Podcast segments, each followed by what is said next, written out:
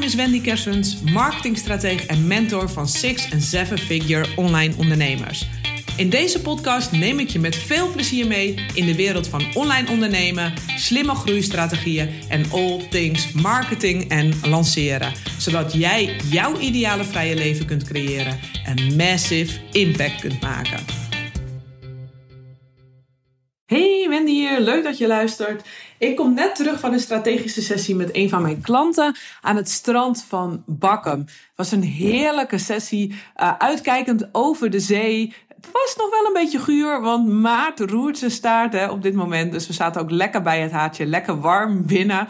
En uh, ja, lekker ontspannen te werken om te kijken hoe we haar business verder konden opschalen. En deze sessie specifiek over hoe we haar eerstvolgende lancering echt ja, lekker door het dak kunnen laten gaan. Nou, deze klant opereert in de overheidssector met klanten die ambtenaar zijn. En het lastige daaraan is dat die ambtenaren, zeg maar, 9 van de 10 keer niet met hun eigen geld investeren of niet met hun eigen budget investeren, maar met uh, budget uit een persoonlijke ontwikkelingsplan of een opleidingsbudget of überhaupt gewoon een losse aanvraag moeten doen bij hun manager of leidinggevende om uh, ja, eigenlijk uh, de opleiding te kunnen doen die deze uh, klant van mij aanbiedt.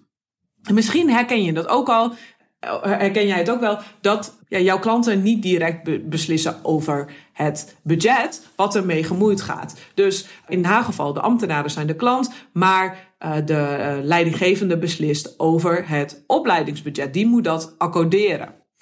Haar programma loopt al goed, maar toch kwam ze met het issue bij me van: ik zie dat uh, veel toch blijft stagneren bij de managers dat het niet wordt goedgekeurd. Dan zijn de ambtenaren wel enthousiast, maar dan wordt het niet goedgekeurd. Nou, dat vind ik een interessante, want het werd ook vaak wel goedgekeurd, want uh, ze heeft al een goed lopend programma lopen. Dus dan denk ik, hey, hier ligt een kans. Dus we zijn daar eventjes ingedoken en daarin ga ik je in deze podcast ook meenemen wat je kunt doen als je klant zelf niet beslist over het budget en hoe je ervoor kunt zorgen dat een manager, een leidinggevende of een, een werkgever makkelijker ja zegt. En ja, daardoor dus ja zegt tegen jouw programma, workshop, training of cursus of wat je dan ook aanbiedt. Nou, deze klant had allereerst al een mooie brochure gemaakt met uitleg over de opleiding.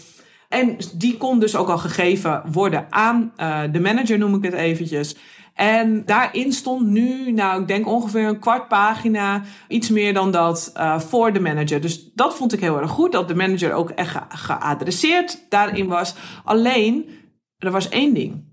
Dat was geschreven met daarin de beloftes die worden gedaan aan de daadwerkelijke deelnemer. Dus de voordelen, de positieve gevolgen voor die werknemer in dit geval. Alleen het issue is, is dat de belofte aan de deelnemer niet dezelfde belofte is als aan zijn of haar manager, aan de leidinggevende. Dat is een andere belofte, uh, belofte want die leidinggevende die heeft andere belangen. En in je communicatie is het belangrijk om die beloftes te adresseren. Want die manager die wil dus andere dingen. Waarom Kruip even ook helemaal in die huid. En net zoals je bij je ideale klant doet. Waarom is die manager erbij gebaat dat de medewerker zich op gebied X, wat jij aanbiedt, ontwikkelt? Waarom is dat? Kijk, een voorbeeld daarvan bijvoorbeeld. Op dit moment hè, wil je zeker adresseren dat het bijdraagt aan het behoud van medewerkers. Want iedereen is op zoek naar goede mensen.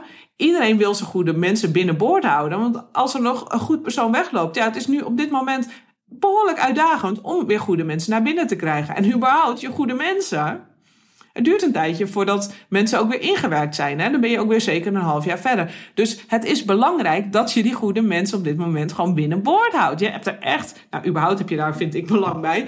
Dus dat is een belang die een manager op dit moment heeft. Want anders moet hij weer het sollicitatieproces in. En dan, nou ja, ik hoor de zucht al bijna van, oh, daar gaan we weer. Weet je wel, dan moet je weer een functie vervangen. Valt weer een tijdelijk gat. Dat is allemaal gewoon niet zo prettig. Leg extra druk bij de andere uh, collega's. Dat is voor een team meestal meestal niet zo fijn. Dus dat kan een van de beloftes zijn. Maar een andere kan ook bijvoorbeeld zijn uitval verminderen. Uh, want uh, een manager is er ook bij gebaat dat er uh, minder burn-out gevallen zijn of minder ziekte is. Want als er iemand ziek is, dat draagt niet positief bij aan het resultaat voor die manager. Maar je kunt je ook voorstellen dat een positief resultaat kan zijn dat iemand minder tijd kwijt is, de manager minder tijd kwijt is aan bila's, omdat uh, uh, zijn medewerker veel zelfstandiger kan opereren en veel zelfstandiger het werk kan doen. Dus dat zijn punten en voorbeelden van ja, beloftes waar een manager iets aan heeft. En je hoort het al, dit zijn beloftes die niet per se ook voor je jouw ideale klant van toepassing zijn. Dus in dit geval dan de ambtenaar. Die heeft hele andere belangen. Die wil zich op een ander gebied ontwikkelen. Dus dat is even goed om over na te denken dat daar onderscheid in is.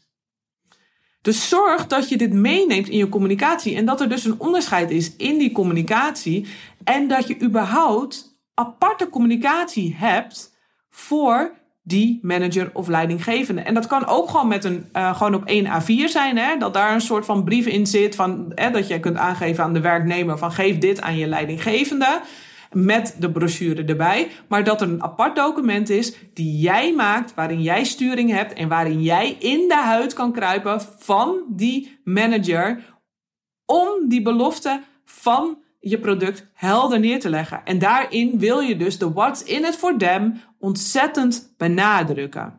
Dus ik vraag me überhaupt af, heb je überhaupt een apart document die dit adresseert? Of wordt gewoon een één op één de communicatie die jij naar je ideale klant stuurt, gewoon doorgezet? Je zult zien, kijk, dit, dit is een kwestie bij een aankoop. Hè, kijk, hier komt een extra drempel tussen. En het is aan jou als ondernemer om die drempel, ja, in ieder geval zo laag mogelijk te maken. Eigenlijk het liefst helemaal weg te nemen, maar in ieder geval zo laag mogelijk te maken. Dat het instappen in jouw programma zo makkelijk mogelijk wordt. Dus heb je überhaupt een apart document beschikbaar? Ik vind het wel een leuke. Ik weet nog van, uh, nou het is wel alweer tien jaar geleden hoor, maar dat uh, Marie Folio, dus een grote, grote Amerikaanse online speel, speelster, die had toen een document van How to Convince Your Husband. Nou, die naam gebruikte ze vooral natuurlijk naar mensen die wilden instappen, maar je hoort het al, veel vrouwen die wilden instappen, ja, het bezwaar was van ja, maar mijn man die, eh, ik moet mijn man ook overtuigen dat ik nu eh, 2000 dollar ga investeren in dit programma. Hoe doe ik dat? En zij had dus een PDF gemaakt die je dus aan je man kon geven. Waarom het zo goed is om te investeren in dat programma voor zijn vrouw.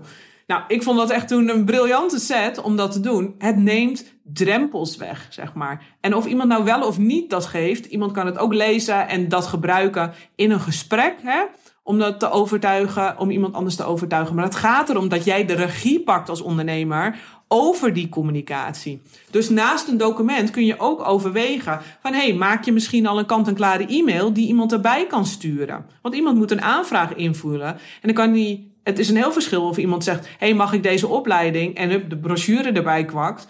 Of dat er daadwerkelijk ook al in eh, de begeleidende uh, mail of aanvraag, dat daar al de benefits daar bijvoorbeeld in staan. Dus daar kan je, um, daar kun je op sturen. En daar kun je die communicatie kun je natuurlijk al faciliteren daarin. Dus maak echt die, ja, verlaag die drempel zoveel als mogelijk als dat voor jou ja, kan. En faciliteer daarin. Het is jouw taak als ondernemer om mensen daarin te faciliteren.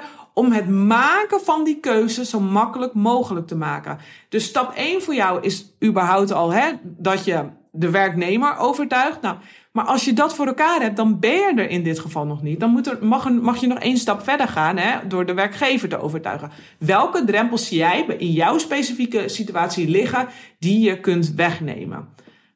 Faciliteer daarin. Echt, dat gaat die, dat besluitvormingsproces stukken makkelijker maken. Nou, deze klant van mij ging ieder geval de brochure al flink aanpassen. Een apart gedeelte ook echt maken met een manager. Dat ging ze ook echt uitbreiden. Want nu zat er maar een klein stukje in en dat ging ze ook echt uitbreiden. Uh, naar minstens een A4. Wat erbij gevoegd uh, kon worden. Wat echt communicatiegericht was. Dus op die manager. En dit proces uh, werkte überhaupt al voor haar. Uh, veel ambtenaren zeiden eerder ook al ja tegen haar aanbod. Maar ze zag tot nu toe dat er dus ook veel bleef hangen bij de manager. En door die communicatie communicatie daarin te faciliteren, door mensen daar bewuster van te maken, door letterlijk ook regie te pakken over die communicatie, weet ik zeker dat ze de eerstvolgende keer veel meer ja's gaat krijgen, dat het proces met die managers veel soepeler gaat lopen dan dat het nu uh, loopt, door simpelweg die drempels weg te halen en je communicatie aan te passen. Dus heb je dit ook, communiceer je dus ook, uh, ja, zeg maar, of heb je er ook mee te maken dat je klant zelf niet beslist over het budget? Denk dan heel goed na over hoe je dat vervolgproces kunt faciliteren om dat makkelijker te maken. Nou, ik hoop dat deze podcast waardevol voor je was. Zo ja, dan zou ik het super tof vinden als je een review voor mij wilt achterlaten in iTunes. Vergeet je ook niet te abonneren. En dan ja, zou ik zeggen tot de volgende podcast. Wil jij opschalen richting een seven-figure business, maar kun je wel wat meer helderheid in je strategie en de volgende marketingstappen gebruiken? Als je wilt, kan ik een tijdje aan je zijde als sparringspartner met je meelopen. Check wendykersens.nl/strategie voor de mogelijkheden.